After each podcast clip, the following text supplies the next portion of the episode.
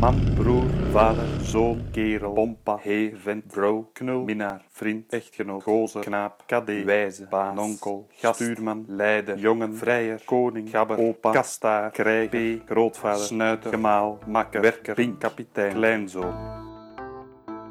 Mijn naam is Hans en ik interview mannen over wat man zijn voor hen betekent. Oké Arno, welkom eh, in deze podcast. Dank. Leuk dat je je verhaal wil vertellen. Kan je iets vertellen over het gezin waarin je geboren werd? Ik was de eerste. Ik was peuter toen ik een broertje kreeg. En er was wat mee, dus die ging steeds naar het ziekenhuis. Ik kijk terug op een jeugd met een broer, maar ook zonder een broer. En Mijn broer is verstandelijk gehandicapt en eh, epileptisch. Dus ik had niet zo'n... Ik heb geen broerrelatie of zo. Nee. En Is ook, niet- niet, en ook niet die ervaring. Dus niet jullie als twee jongens wel eens druk... eh, Nee, druk ik heb nooit met mijn broer gevochten, zeg maar. Oké, Het zou wel heel gemeen zijn. Ik bedoel, ik kan hem slaan, maar hij slaat echt niet terug. oké, ja. Als ik hem sla, moet ik hem oprapen. Dat... Nou, slaan of stoeien of... Nee, ja, stoeien, ja. ja. Toen hij heel klein was, maar dan is het gewoon een soort meewerkend voorwerp, leidend voorwerp. Dus niet, er is geen wederkerigheid. Nee.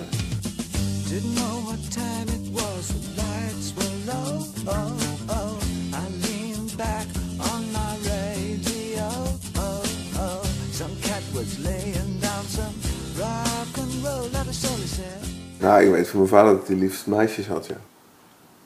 Ik weet niet waarom. Ik weet wel dat hij dat wilde. Ja, dat natuurlijk, als, als, als een zoon is dat niet leuk om te horen dat, hij liever een... En mijn moeder heeft dat ooit eens verteld. Ja, en ik vind het zelf ook fijn om meiden te hebben. Maar tegelijkertijd weet ik van oké, en als er nog een kind komt en het is een jongetje, dan is dat gewoon niet, niet eerlijk tegenover zo'n jongetje om nu van de daken te schreeuwen dat ik het liefst nog een meisje. heb. Nee. Want ja, wat krijg je dan? Krijg je een soort, soort misbaksel of zo? Iemand die niet kan voldoen aan je verwachting. Ja. Then the loud sound that seemed to fade came back like a slow voice on a wave of fate. That was no DJ, that was hazy cosmic jive. Moest je veel rekening houden met je broer? Ja. Als Ja. ik, als ik, als ik eh, dit deed, dan knalde mijn broer in een epileptische aanval. Zo. Dus de hele dag op koude voetjes en zorgen dat je geen herrie maakt. En, eh, dus ik speelde heel veel buiten vroeger. Ik kan me voorstellen. Vrije keuze. Want daar was het veel leuker. Ja. Speelde je alleen dan? Of met andere kinderen? de Nee, er was, er was een hele, hele drukke, kinderrijke buurt. Dus er, kwam, er was altijd wel iemand om mee te Ja. spelen. En eh, nee, alleen spelen was niet leuk. Nee. Zo, zo, we wonen niet aan de rand van het bos of zo, waar je heerlijk in je eentje kan spelen. Dus er was altijd wel iemand.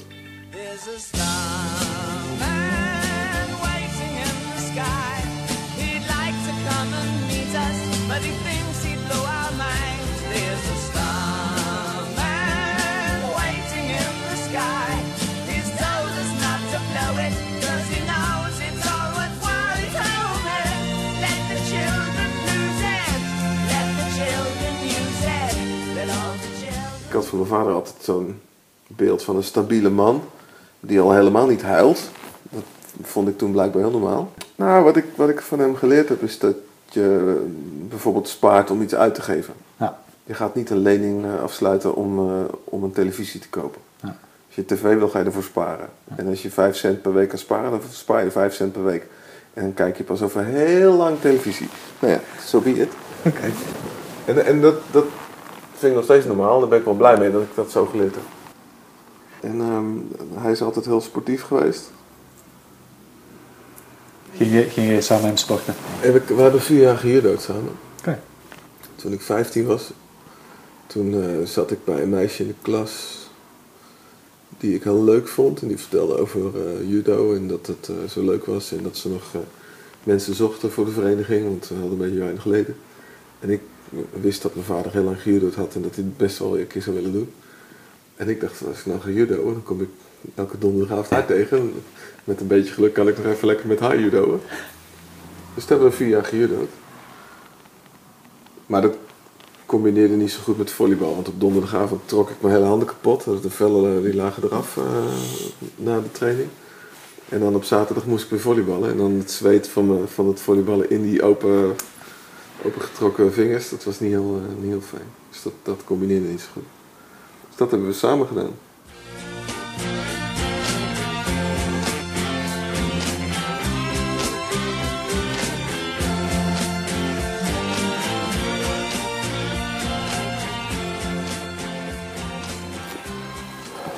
Eh, spreken in superlatieven.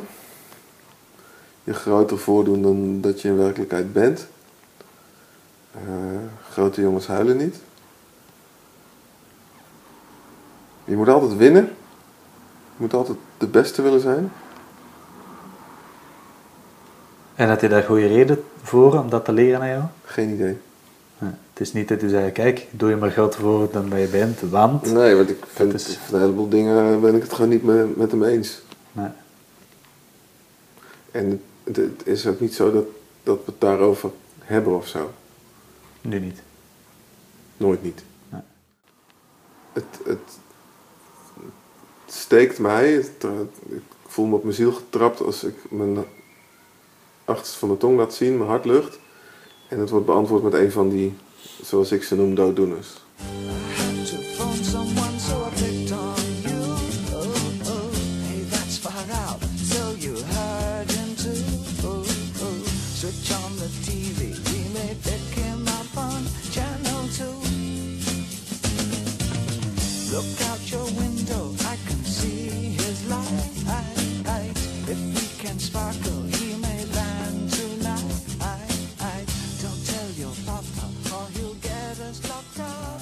In Ik heb een hele sterke herinnering aan hem dat hij, dat hij als hij smiddags thuis kwam en ik wilde wat vertellen over school. Maar dan spring ik een paar jaar vooruit, toen toen was het de middelbare school. Dan zat hij achter zijn krant en dan, zei hij, en dan werd er wel af en toe mhm gezegd. Maar dan luisterde hij niet. Nee. Want als ik dan een controlevraag stelde, dan kwam er ook gewoon. "Mhm."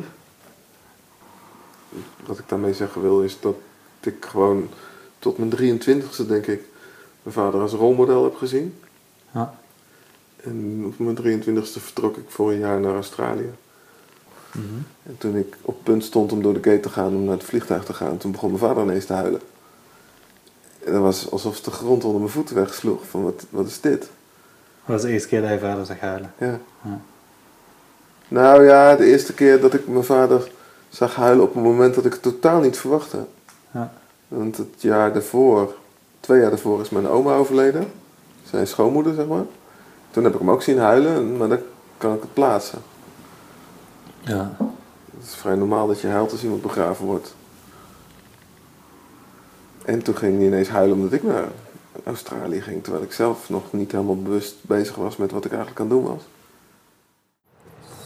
Ik was, ik was 23 en ik, ik weet niet meer waar het over ging, maar ik zat ergens mee.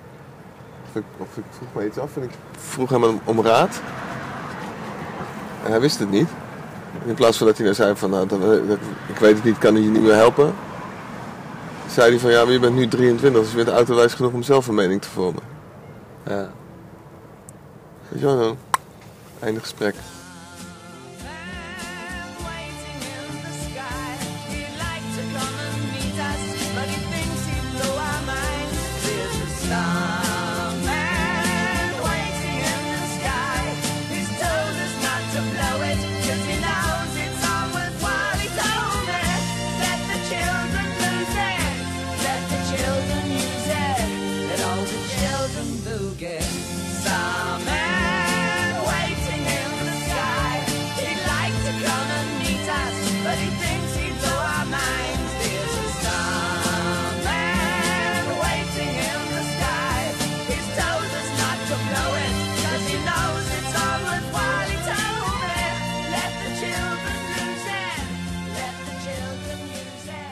Vader komt uit een gezin met vijf jongens. En die rivaliteit was daar altijd heel... Ik vond hem altijd heel heftig. Als mijn oma jarig was, dan gingen de broers altijd samen kaarten. En dat werd altijd heel luidruchtig en heel macho en heel bombastisch. Dat vond ik, dat vond ik, dat vond ik naar. Ik heb dat vorig jaar eens een keer tegen hem gezegd dat ik dat nooit leuk vond. En hij heeft nooit, echt nooit ervaren dat die kaartavonden op de verjaardag van mijn oma, dat dat nou heel erg intensief of heel erg... Ik had het idee dat ze ruzie kregen. Ja. Terwijl hij zo- zoiets had van, nou, maar dat gewoon zoals wij met elkaar omgingen. Ik had altijd, altijd de indruk dat de competitiedrang heel groot was bij, eh, bij mijn vader en mijn ooms. En dat heb ik niet. Ik vind het belangrijker dat je, dat je hè, als, we, als, als, als, als er gevolleybald wordt, dat je gewoon een lekkere pot speelt. Ja, en het geeft wel een kick als je met 3-0 wint. Maar als je met 3-1 afgedroogd wordt, maar je hebt wel lekker gevolleybald, dat is veel leuker. Ja. Vond ik vroeger niet, want toen zat ik in dat gereel van je moet wel winnen.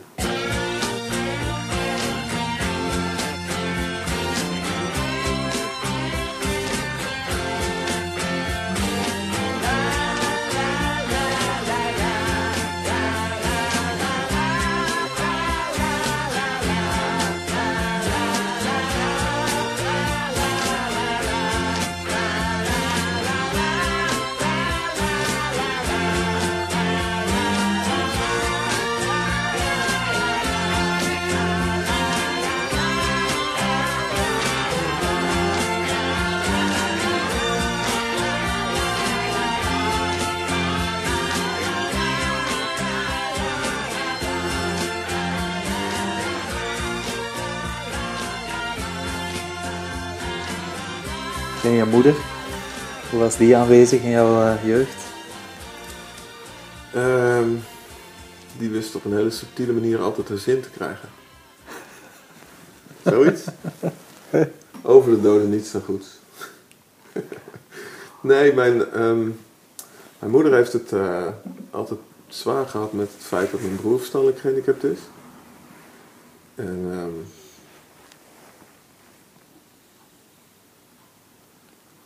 ik botste ook heel vaak met mijn moeder, omdat wij wel redelijk wat overeenkomstige karaktertrekken hebben.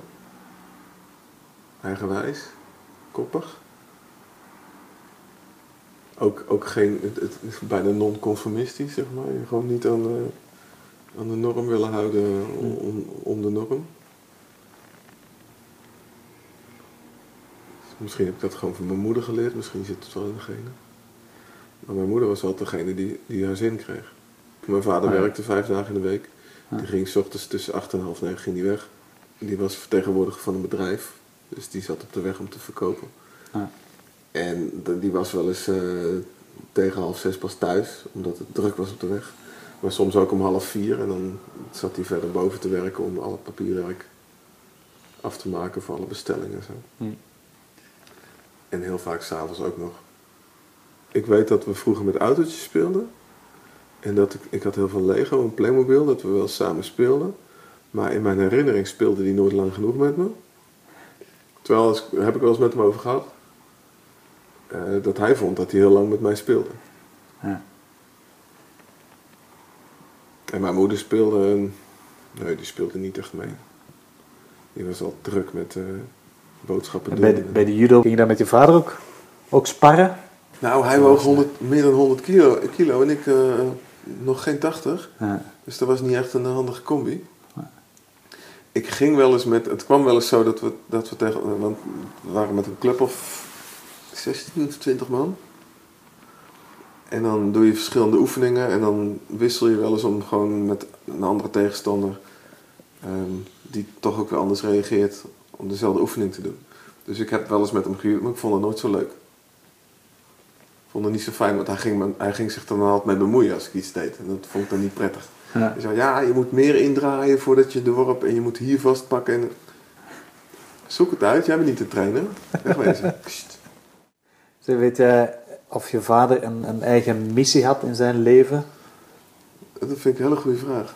Kijk, Ja, dank je. en, en ik heb het antwoord niet. Misschien heeft hij hem, maar ik, ik ben me er niet van bewust. En je moeder? Nou, dat, ja, we kunnen het haar nu niet meer vragen, helaas. Maar ehm, ehm, het lijkt er wel eens op dat zij als missie had om zoveel mogelijk spullen te verzamelen. Waar ze iemand ooit nog eens blij mee kon maken. Ja. Op een bepaalde manier streven naar waardering. Door mensen cadeautjes te geven. Ze, kwam, ze kon ook hier nooit komen zonder iets mee te nemen. Hm. Vond ik echt Vond ik echt super irritant. Echt gewoon vanaf de dag dat ik uit huis ging. Elke keer als ze dan op bezoek kwam, wat ik op zich heel leuk vond. Ze nam altijd wat mee. Iets te eten. eh, heel, iets materialistisch, weet je wel. Dat is, en toen ik de SPH-opleiding deed, is dat ook wel eens een onderwerp van, eh, van de intervisie geweest, supervisie. Dat, dat, dat iemand ook tegen me zei, ja, maar als, ze- als dat de enige manier is waarop ze haar waardering of haar betrokkenheid of liefde kan tonen, dan, dan is dat wat ze kan doen. Ja. Dus dat, eh, dat heb ik wel leren waarderen. Maar haar missie was ja, zoveel mogelijk leuke dingen doen. Dan eh, een, dagje naar de stad hier en een dagje naar de stad daar. En, Wel een hecht koppel. ja, Ja. ja, absoluut. En je vader had hij naast dat sporten nog andere dingen waar hij zijn interesse in Nou, hij, hij heeft in heel veel, of hij zit in heel veel commissies en, en doet van alles. Hij is in de kegelvereniging is hij actief. Hij zit in een of andere stichting die eh, geld beheert van bewoners waar mijn broer woont, in het huis waar mijn broer woont. Hij heeft zich heel veel jaren ingezet voor de sportraad in het dorp waar hij woonde. Hij heeft, volgens mij heeft hij ook op school in de medezeggenschapsraad gezeten, dus hij heeft wel overal op en in gezeten. Ja.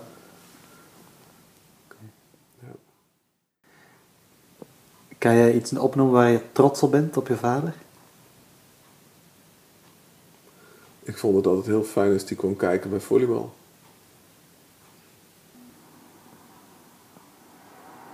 Ik vond het van mijn moeder bijvoorbeeld altijd heel knap dat ze, weet ik veel, dat ik, we gingen hier in dit huis wonen en, en ze wilde wel de gordijnen maken voor Anne's kamer. Ja, graag. Ja. Hoe wil je ze hebben? Nou, zo en zo en zo. En dan krijg je gordijnen. Wauw, tof. En, en ergens wist ik al dat ze dat kon, maar dat vond ik altijd heel fijn als ze dat deed. Omdat het ook hetgeen is wat je nodig hebt als je in het Ja. huis gaat wonen. Ja. Ja. En dan is het inderdaad van, oh ja, mijn moeder kan dit. Ja. Dat is wel, ja. Ja. Bij mijn vader vind ik dat moeilijk. Waar ben je nou echt trots op? Is die een goede opa? Ja. Nee, die meiden zijn gek met hem. Dus dat, dat af en toe opa op zijn nek springen en dan heeft hij twee kleindochters op zijn nek en dan, dan loopt hij hier door het huis heen en dan is opa even paard. En, eh, Leuk. nee, dat is wel leuk om te zien. Ja. Dat, dat is eigenlijk wat de conclusie trekt van het is een goede opa.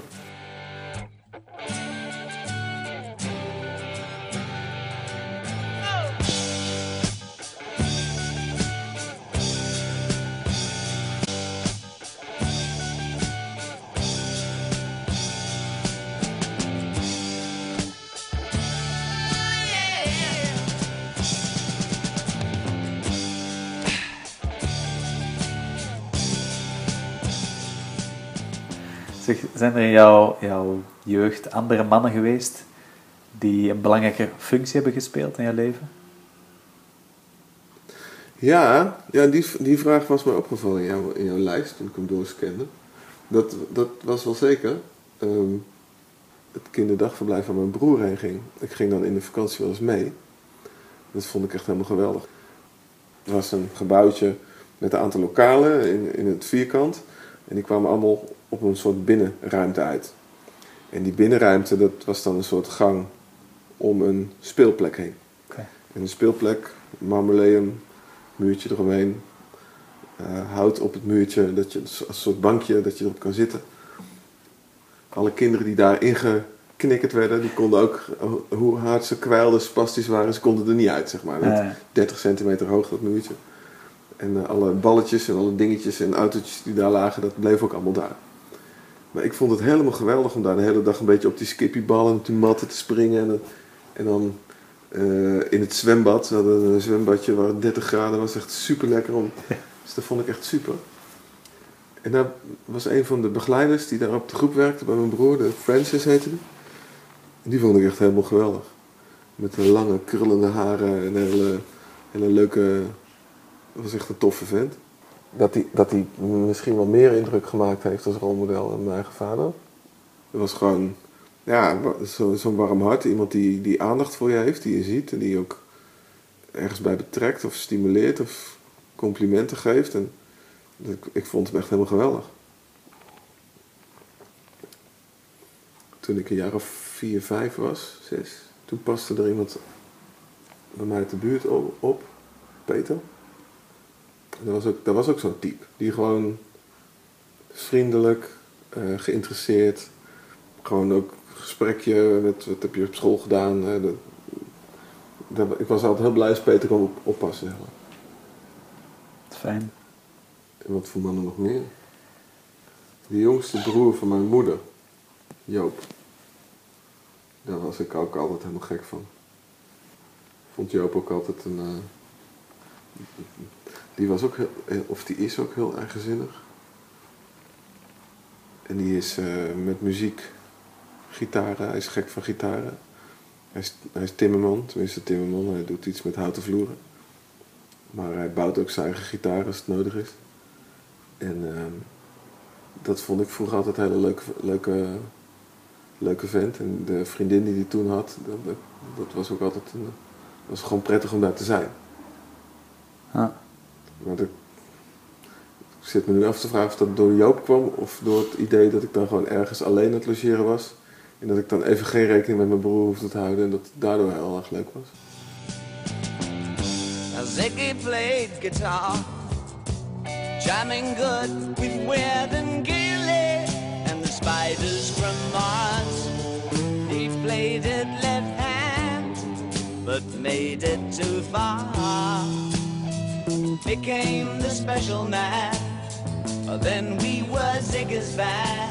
Zijn er momenten die het einde van jouw kindertijd hebben gekenmerkt? Het meest sterk waar ik nu aan moet denken is dat dat moment dat mijn vader begon te huilen en ik naar Australië ging. Ja. Dat dat een soort kantelpunt was. Want toen ik naar de brugklas ging, toen speelde ik nog met Lego. Ik kwam eh, thuis en dan ging ik eerst met Lego spelen en met Playmobil en dan ging ik nog eens huiswerk maken. En ik weet goed dat ik het spelen met Lego leuker vond dan huiswerk maken. Ik vond het prima om eh, lekker in mijn eigen wereldje Ja. en toen ik in de tweede klas zat van de middelbare school, eh, toen ging het allemaal eh, over meisjes en seks en piemels en weet ik veel wat allemaal. En ik hoorde het aan en ik kon erom lachen en het, het, het hield me helemaal niet bezig. Ik was eh, meer met mijn ruimtevaart Lego bezig. of misschien toen ik vader werd. Dat kan natuurlijk ook. Ik interviewde een paar weken geleden een man van in de 50. En die zei, mijn kindertijd is nog nooit gestopt. Ik speel me altijd. Ik vind het heel belangrijk dat ik blijf spelen. Nou ja, dat ben, daar, ben ik, daar ben ik het volstrekt mee eens. Want ik vind het gewoon heerlijk om eh, met allerlei dingen te, te spelen, te pielen, te onderzoeken. Weet je wel, die die Ja. computer en internet. Internet is echt zo'n zo'n venster naar, naar, een, naar een hele andere wereld. En, en daar is gewoon nog zoveel te ontdekken. Ja. Het is eindeloos. Ik snap dat wel, dat sommige mensen daar 24 uur per dag. er, is, er is gewoon zoveel te zoeken, te vinden, Ja. nieuwsgierig naar te zijn. Mooi. Had, had je als jonge man een bepaalde missie? Hoe stond je als jonge, jonge twintiger eh, van dat vind ik belangrijk in mijn leven, Nee. dat wil ik bereiken? Nee, Of zo wil ik wel of niet nee, leven? nee ik, ben altijd, ik ben altijd jaloers geweest op mensen die precies weten wat ze willen. Ja. En dat heb ik nou niet meer in de vorm van jaloezie. Ik vind het, ik, ik vind het wel knap. Maar tegelijkertijd beklemt het mij enorm om te denken aan een leven in het kader van één bepaald doel. Ja.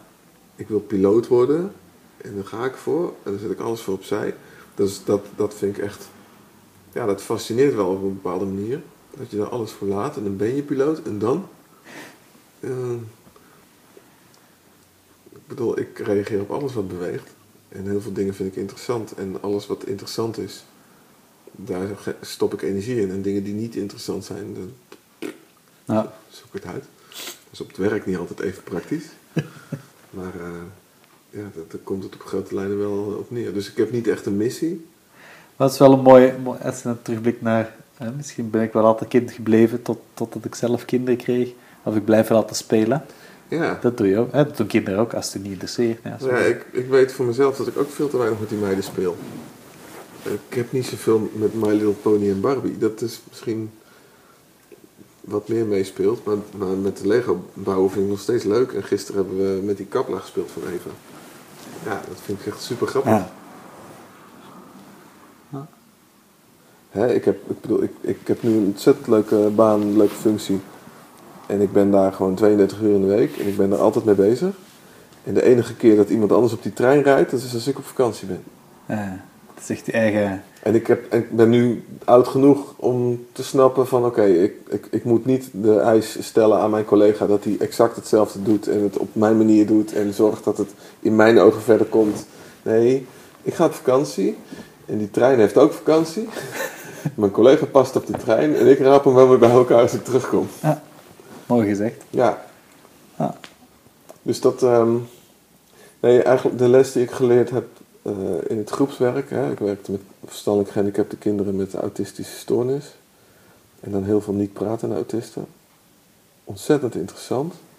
Maar wat ik er het meest van geleerd heb, is dat ik gewoon een, een enorme kinderwens had. En heb je ook niet daar de vrouw van je kinderen, de mo- de moeder van je kinderen leren kennen? Ja. Kijk. Dus ik ben daar gewoon gebleven tot ik eh, Do- Dominique tegenkwam. Toen ben ik maar weggegaan. Eyes and screwed down hairdo. Like some cat from Japan. He could lick 'em by smiling. He could leave 'em to hang. Became on so loaded man. Well hung in snow white tan. Het was een, een maandagochtend.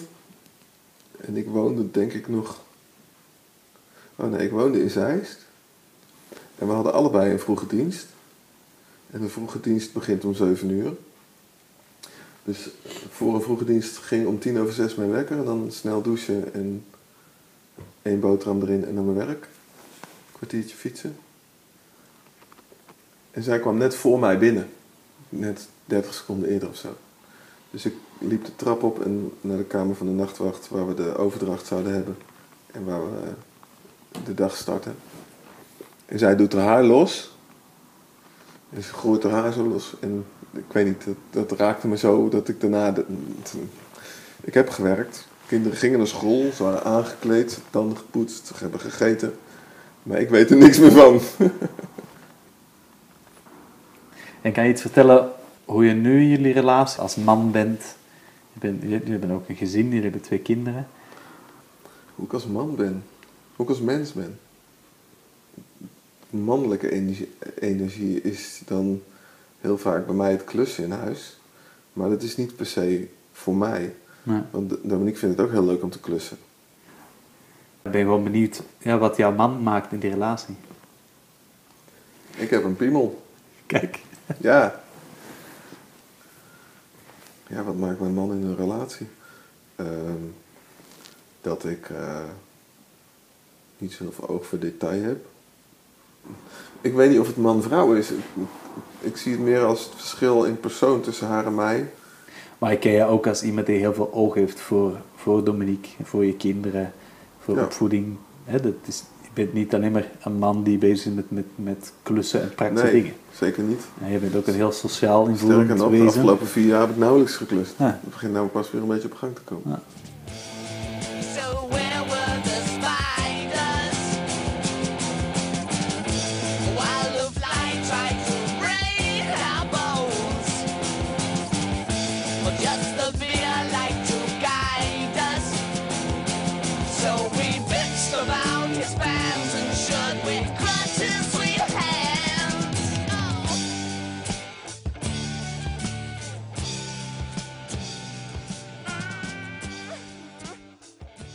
Zelf vader, Drie keer. drie keer.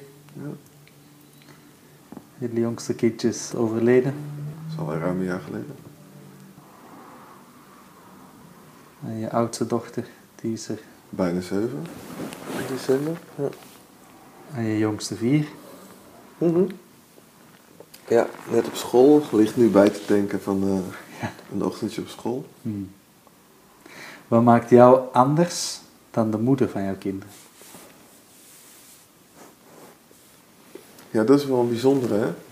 De, de moeder van de kinderen, dat is ook echt lichamelijk de verbondenheid, emotionele verbondenheid, omdat die kinderen ook echt uit haar gegroeid zijn.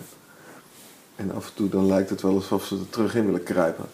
Niet omdat ze dan tussen de benen proberen te, te verdwijnen of zo. Maar dat, dan, dan willen ze bij mama zitten op schoot en knuffelen. En dan alsof ze echt weer helemaal één willen zijn met de moeder.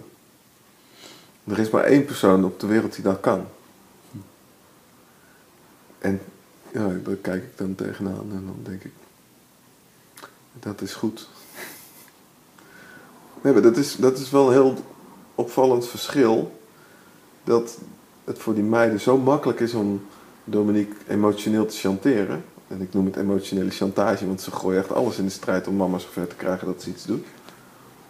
Terwijl ze hetzelfde bij mij doen. Dan worden ze ook wel eens uitgelachen. Oké, mooi verschil. Weet je wel, en, en dan, Ja. dan herken ik het wel. Dat ze, dat, dat ze het proberen. En dan, ja, dan denk ik van ja, maar dat gaat niet gebeuren. Mooi. Ja. Ziggy played for time, jiving us that we were voodoo. The kids were just grass. He was the Nas with God-given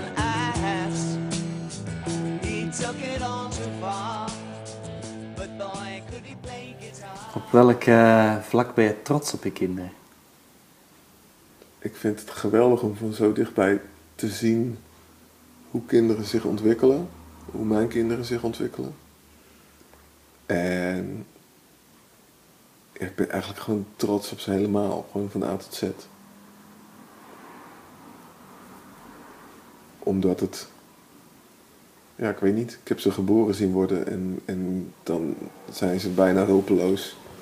En klein en kunnen ze nog niet zoveel. En is elk stapje wat ze kunnen is echt leuk om te zien. En ik merk dat de eerste 1, 2 jaar zaten we er bovenop bij die meiden. Of, of in ieder geval bij Anne, want toen hadden we er nog maar één natuurlijk. En dan zit je er bovenop en dan zie je elk stapje wat ze meer kan, dat, dat maak je van heel dichtbij mee. En, en bij Eva is dat anders, omdat je dan ineens twee kinderen hebt. Dan heb je zo'n soort ja, wisselwerking tussen die kinderen.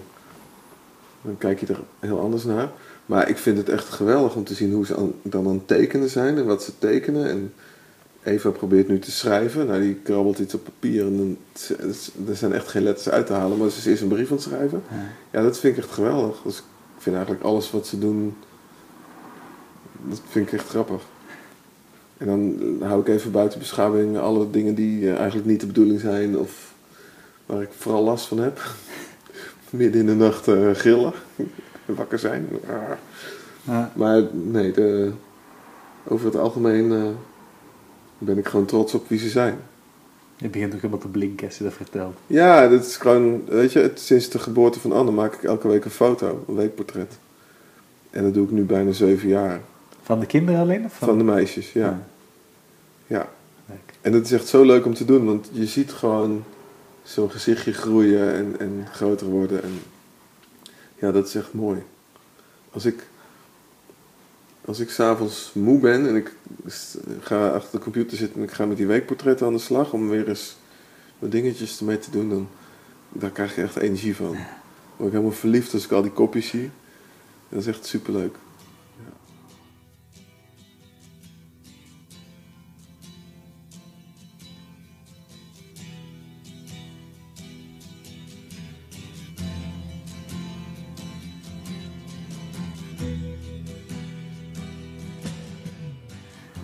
Jij bent als vader een, eh, een belangrijke, zo niet de belangrijkste man in het leven van je dochters.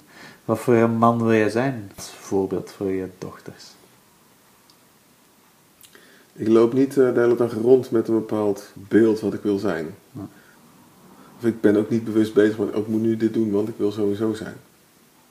Ik kan niet meer dan mezelf zijn. En ik heb niet een beeld wat ik wil zijn. Kijk, een tijd geleden, ik zei net van, ik, weet, ik heb nooit goed geweten wat ik zou willen in mijn leven. Ik heb niet een bepaald doel of zo wat ik nastreef. Maar ik zou wel een goede vader willen zijn. Dus Ja. ik hoop dat als Anne en Eva groot zijn, dat ze dan terugdenken op aan mij eh, als goede vader. Dat ze niet blij zijn dat hij dood is, eh, dan zijn we er vanaf. Ja. Dus eh, dat, dat vind ik belangrijk. En kan je dat concreter maken? Nou, ehm, ik vind betrouwbaarheid heel belangrijk. Dus ik ging net een pot knikkers halen, want ik had, eh, wanneer was het? Woensdag had ik iets beloofd over knikkers pakken. En gisteravond, toen, toen ik Anne naar bed bracht, toen zei ze van, ja, maar eh, je zou nog knikkers pakken. Oh ja. Ik heb het beloofd, dan moet ik dat doen ook. Vind je het lastig dat het dan een dag later is? Nee, want beter later nooit. Ja, ik vergeet veel, dus dat, eh, Ja. dat gebeurt. En Anne weet ook dat ik veel vergeet. Daar maken we ook grapjes over. Als ik dingen onthoud, zeg Wat er nu gebeurt? Eigenlijk hoor ik dit te vergeten, maar... Leuk. Ja, Fijn dat die humor kan, eh kan ja maar dit, dat, dat is wel een beetje... ehm, ik vind zelfspot heel belangrijk. Omdat het, het is allemaal maar relatief. Je kunt, heel, je kunt heel gewichtig doen over wie je bent of wat je denkt dat je bent. Of, of over dit leven. Maar over 100 jaar, hoeveel mensen kennen jou dan nog? Ja. Waar ben je dan? Nou, waarschijnlijk niet hier. Dus het is, maar kort en zorg dat het leuk is. Waar ben je zelf trots op? Op jezelf? Waar ik trots op ben. Dat ik twee kinderen heb. Dat ik drie kinderen heb. Ehm, ik vind het heel moeilijk om te zeggen waar ik trots op ben. Dat heb ik nooit goed gekund. Vind ik echt heel lastig. Het zijn ook niet echt gespreksonderwerpen die we vroeger hadden of zo. Thuis. Nee. Nee, mijn, vader vertelde over wat hij bij klanten heeft gekregen. Of heeft, eh, heeft meegemaakt. En dat hij zoveel koffie op had. Ik kan geen koffie meer zien. Dat soort gesprekken hadden we aan de keukentafel. Nou, eh, nu hebben we een ander soort gesprekken. Ja. Dus ik ben het ook niet echt gewend. En ik, Nee. ik, vind het ook nog steeds lastig. Maar oké, dus wat ben je trots op van jezelf? En dan blijft het balletje wel een beetje rollen. Ik ben, wel, ben er wel trots op dat ik ooit in de zorg ben gaan werken en dat ik ooit de stap heb genomen om die SPH-opleiding te gaan doen. Ik ben ook trots op dat ik weer terug ben in de ICT. En dat je drie kinderen hebt. Ja. Waarvan ik er twee zie opgroeien. En één een stukje. Ja, Een stukje groei gezien. ja een beetje. Ja, dat- en, en zien afbuigen naar eh, geen groei. Ja. Ja. Maar goed, dat hoort er wel bij. Geboorte en dood. Het ligt heel dicht bij elkaar. Ja. Ground control to Major Tom. Ground control to Major Tom.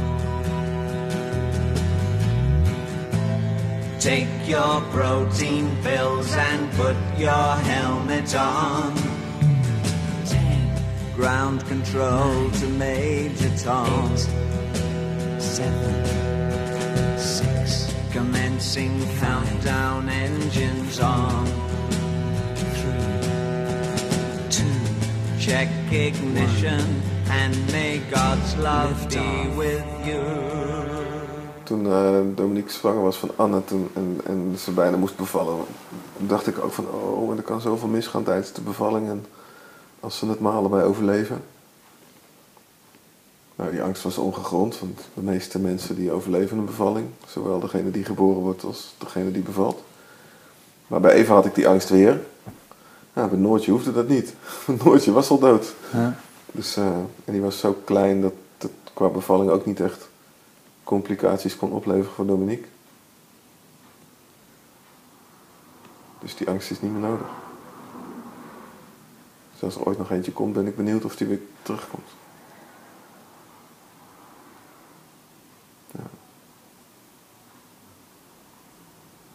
Ga je zo even mee naar Noortje? ja, graag. Want ik ben al een tijdje niet geweest. Ja. Gaan we even...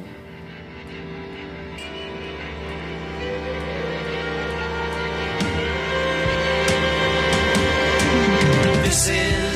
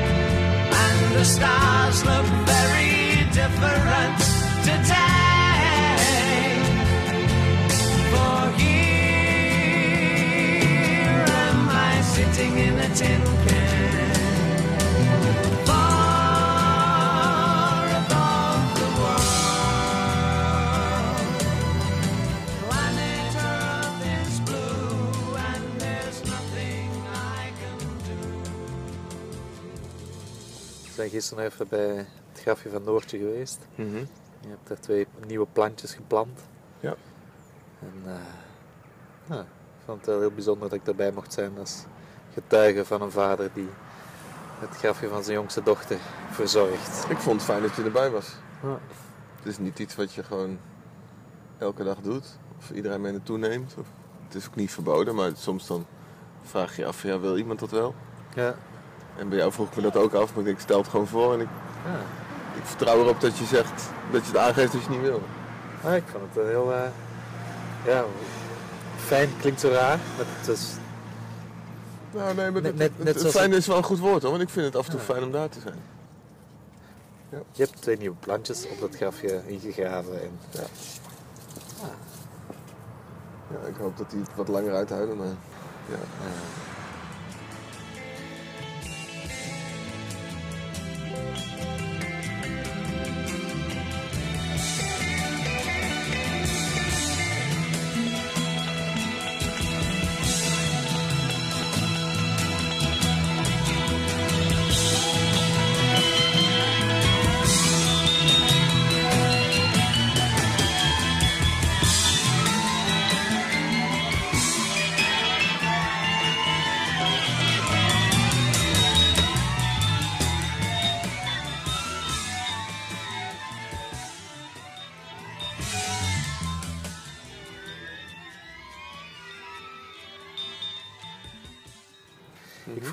Ben jij voor andere mensen of voor andere kinderen, misschien wel voor andere jongens, een voorbeeld of een voorbeeld geweest? Ehm, dat is niet iets wat me gelijk te binnen schiet. Waar ik een voorbeeld voor geweest ben of een voorbeeld voor ben. Ik, Ik, ik moet zelf wel aan iets denken. En dat was toen, jij, ja, dat was een half jaar samen met Dominique. Mhm. En ik kende Dominique wat langer. Ik vond het heel mooi hoe jij echt als een, een man er stond bij haar en, en kon zeggen wat ze nodig had en wie ze was. En letterlijk je arm om sloeg of figuurlijk je arm er, er had. Nou, Dominique die heeft, heeft even dit en dit nu nodig en dan kan ik daar geven. En dan, ja, ik heb er zelf, zit ik daar niet mee. Ik zie dat, dat mijn vrouw dat nodig heeft of mijn vriendin dat nodig heeft. En dat, eh, ja, vind ik prettig om dat te kunnen doen voor haar. En dat vond ik heel mooi, dat je zo snel ja, inzicht had en dat je goed waarnam. Dat je haar goed zag wie ze was. Dat vond ik een mooi, mooi voorbeeld als, als Ja, man denk eh, ik wel. voor je vrouwtje. Ja. Nee, nou misschien dat ik op. Ik heb natuurlijk ehm 2,5 jaar groepswerk gedaan met, met een groep waar alleen maar jongens woonden. Oh ja. En daar ben je natuurlijk als man wel een rolmodel. Dus dat was wel ehm, heel bewust inzetten op ja, wie ik ben en wat ik vind als man. En, Ja. je werkt in een team met vrouwen en dan ehm, de plannen die gemaakt worden zijn niet per se mannen, mannenplannen, zeg maar. Het, het is allemaal prima, maar voor de jongens is het ook goed om een keer iets anders. Dus ik ging ook met z'n klussen op de groep. Prima, leuk. Ja. En dan in de activiteit met de jongens, dat, was, dat, dat waren dan echt mannen dingen. Die bleven ook liggen totdat er weer een man aan het werk was. Er is En- een lampstuk, kun jij de lamp vervangen? Ja. Ja. Voor de meisjes wel.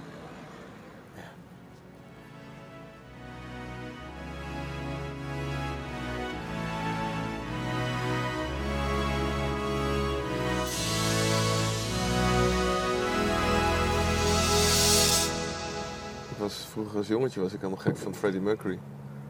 Ik had echt bijna gehuild toen hij doodging. Ik vond het echt zo erg.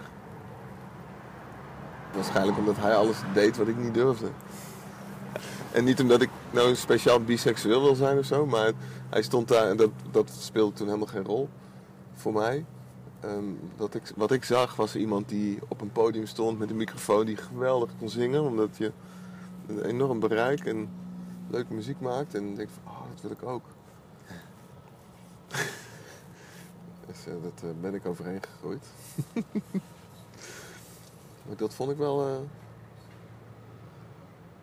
ja, iemand om, om tegenop te kijken.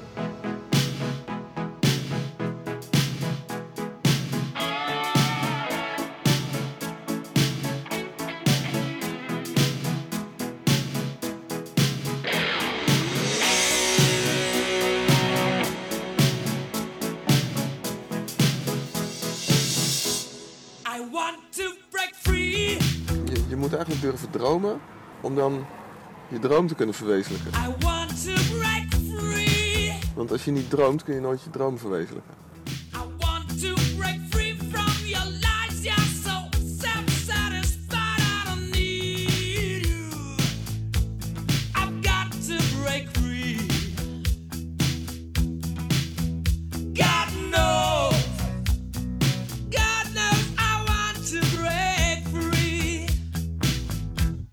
Snap je? En, en, en zo kwam ik in, in, in het verhaal over het nieuwe werk in de zorg. kwam ik ook vanuit mijn droom en, en mijn inspiratie met kinderen en de frustratie. En de, en, en de frustratie die de energie geeft om te willen veranderen.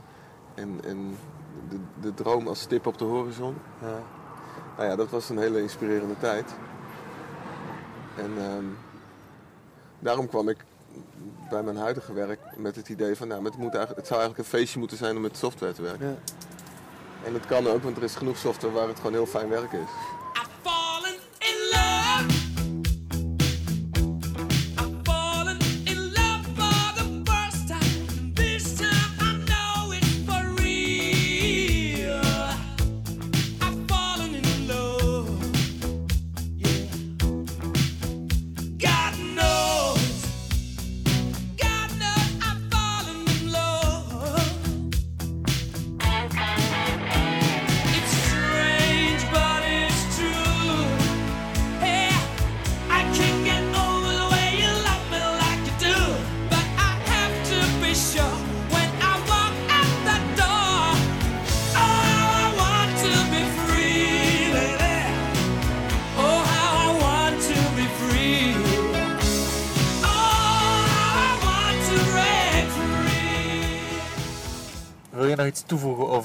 Mannelijkheid in het algemeen dit, eh, dit gesprek?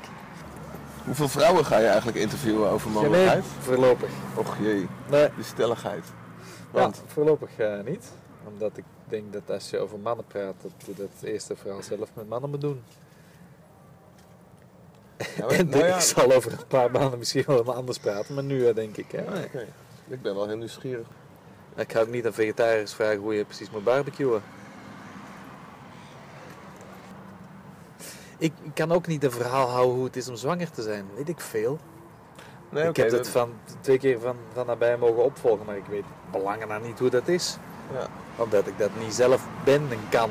Dus, Waar ik nieuwsgierig naar ben, is dat je kunt zeggen van nou, oké, je bent een man omdat je een piemel hebt, of omdat je die, die, die chromosomen hebt, of, of dat je, nou, je hebt geslachtskenmerken. Maar mannelijkheid is niet per se gebonden aan een mannelijk lichaam. Nee. Dus vandaar dat ik nieuwsgierig ben van hey, hoe, ga je, hoe ga je je zoektocht verder vormgeven. Ja. Want hoeveel vrouwen lopen er, hoeveel personen met vrouwelijke geslachtskenmerken lopen er rond die ook gewoon een hele dikke mannelijke kern hebben. Ja. En hoe staan die in het leven? Nee, dat, dat, dat is wel interessant dat je dat vraagt. Je kan ook je, je energie die je hebt, bijvoorbeeld recht door zee gaan, iets afmaken, focus hebben, doorgaan, doorzetten. Dat zou je rechte energie kunnen noemen. En dat zou je dan kunnen noemen als mannelijke soort energie. En je zou het, het zorgende, het liefdevol zijn, zou je ronde energie kunnen noemen. Zou je kunnen zeggen, dat is meer vrouwelijke energie. Maar je hebt als mens, ieder mens, man of vrouw, heeft die, die mannelijke energie of die rechte energie en die vrouwelijke of die, die ronde energie in zich. Je hebt dat ook. Je kan ook zacht en zorgend zijn, maar je kan ook knopen doorhakken. En misschien is bij jou de verdeling tussen recht en ronde energie 50-50. Mhm. Misschien heb je wel 60% de rechte energie en 40% ronde energie ontwikkeld. Of laat je in je leven heel vaak die ronde energie spreken en iets minder die rechte energie. En zo is het niet bepaald. Je hebt het een maand nodig, dus je hebt, eh, je hebt eh 80% man, of rechte energie en eh 20% ronde energie. Zo is het niet bepaald. Iedere persoon is anders, dus ook iedere man is anders, iedere vrouw is anders. Dus.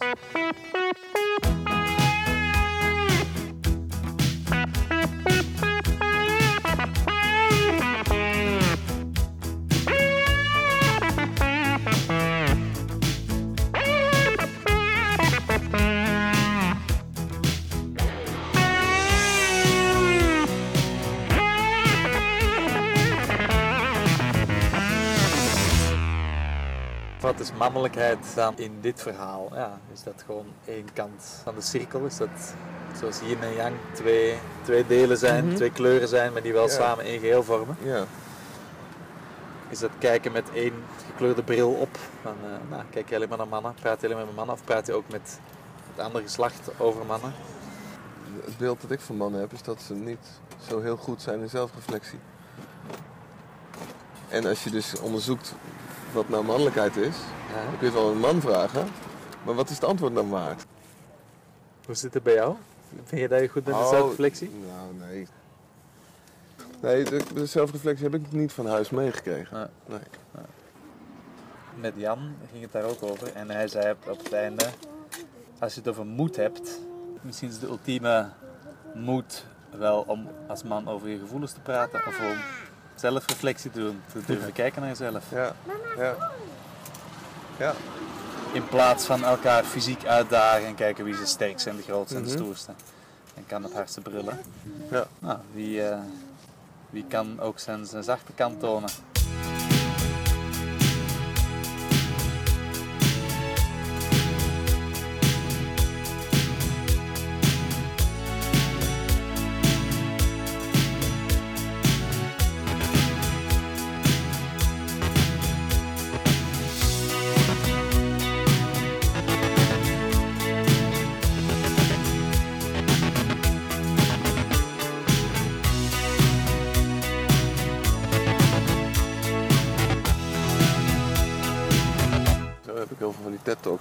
Ja. Nou, eentje is er ook heel erg bijgebleven van een man die ehm, het over leiderschap en leidinggevende had. En, en die zegt ook van ja, leiderschap, daar word je mee geboren. En leidinggevende, dat is een functie. Ja? En ehm, die geeft dan ook de, de, het voorbeeld van een, een leider. Die, eh, die, nou ja, hij zegt, een goede leider die, die, die kan een, een groep leiden. En hij gaf bijvoorbeeld met een ketting. Hij zegt, een leidinggevende kan, kan heel erg proberen om een groep een kant op te krijgen. Maar dit, wat hij in we- in wezen doet, is hij probeert die ketting een kant op te duwen. Ja. Terwijl een goede leider, die trekt de ketting ergens naartoe. En de ketting volgt. En dat is wel een, dat is een Mooi. mooie... Heel mooi voorbeeld. Ja. Maar ja, goed, ja, de kwetsbaarheid. eh kwetsbaarheid is wel eng. ja. En is leider dan mannelijk? Nee. Nee. Zeker niet. But life still goes on. I can't get used to living without, living without, living without you by my side.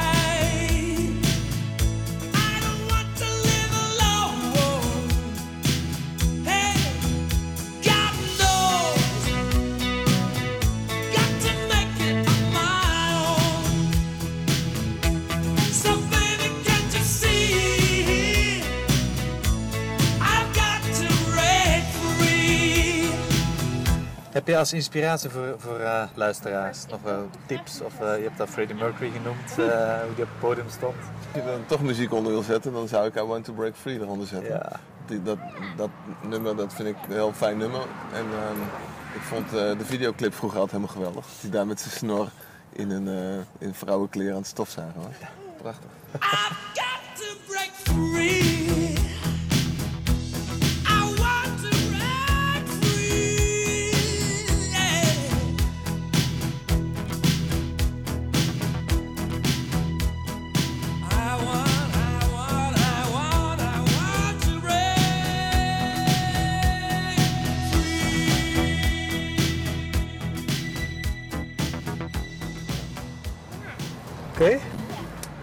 Dankjewel.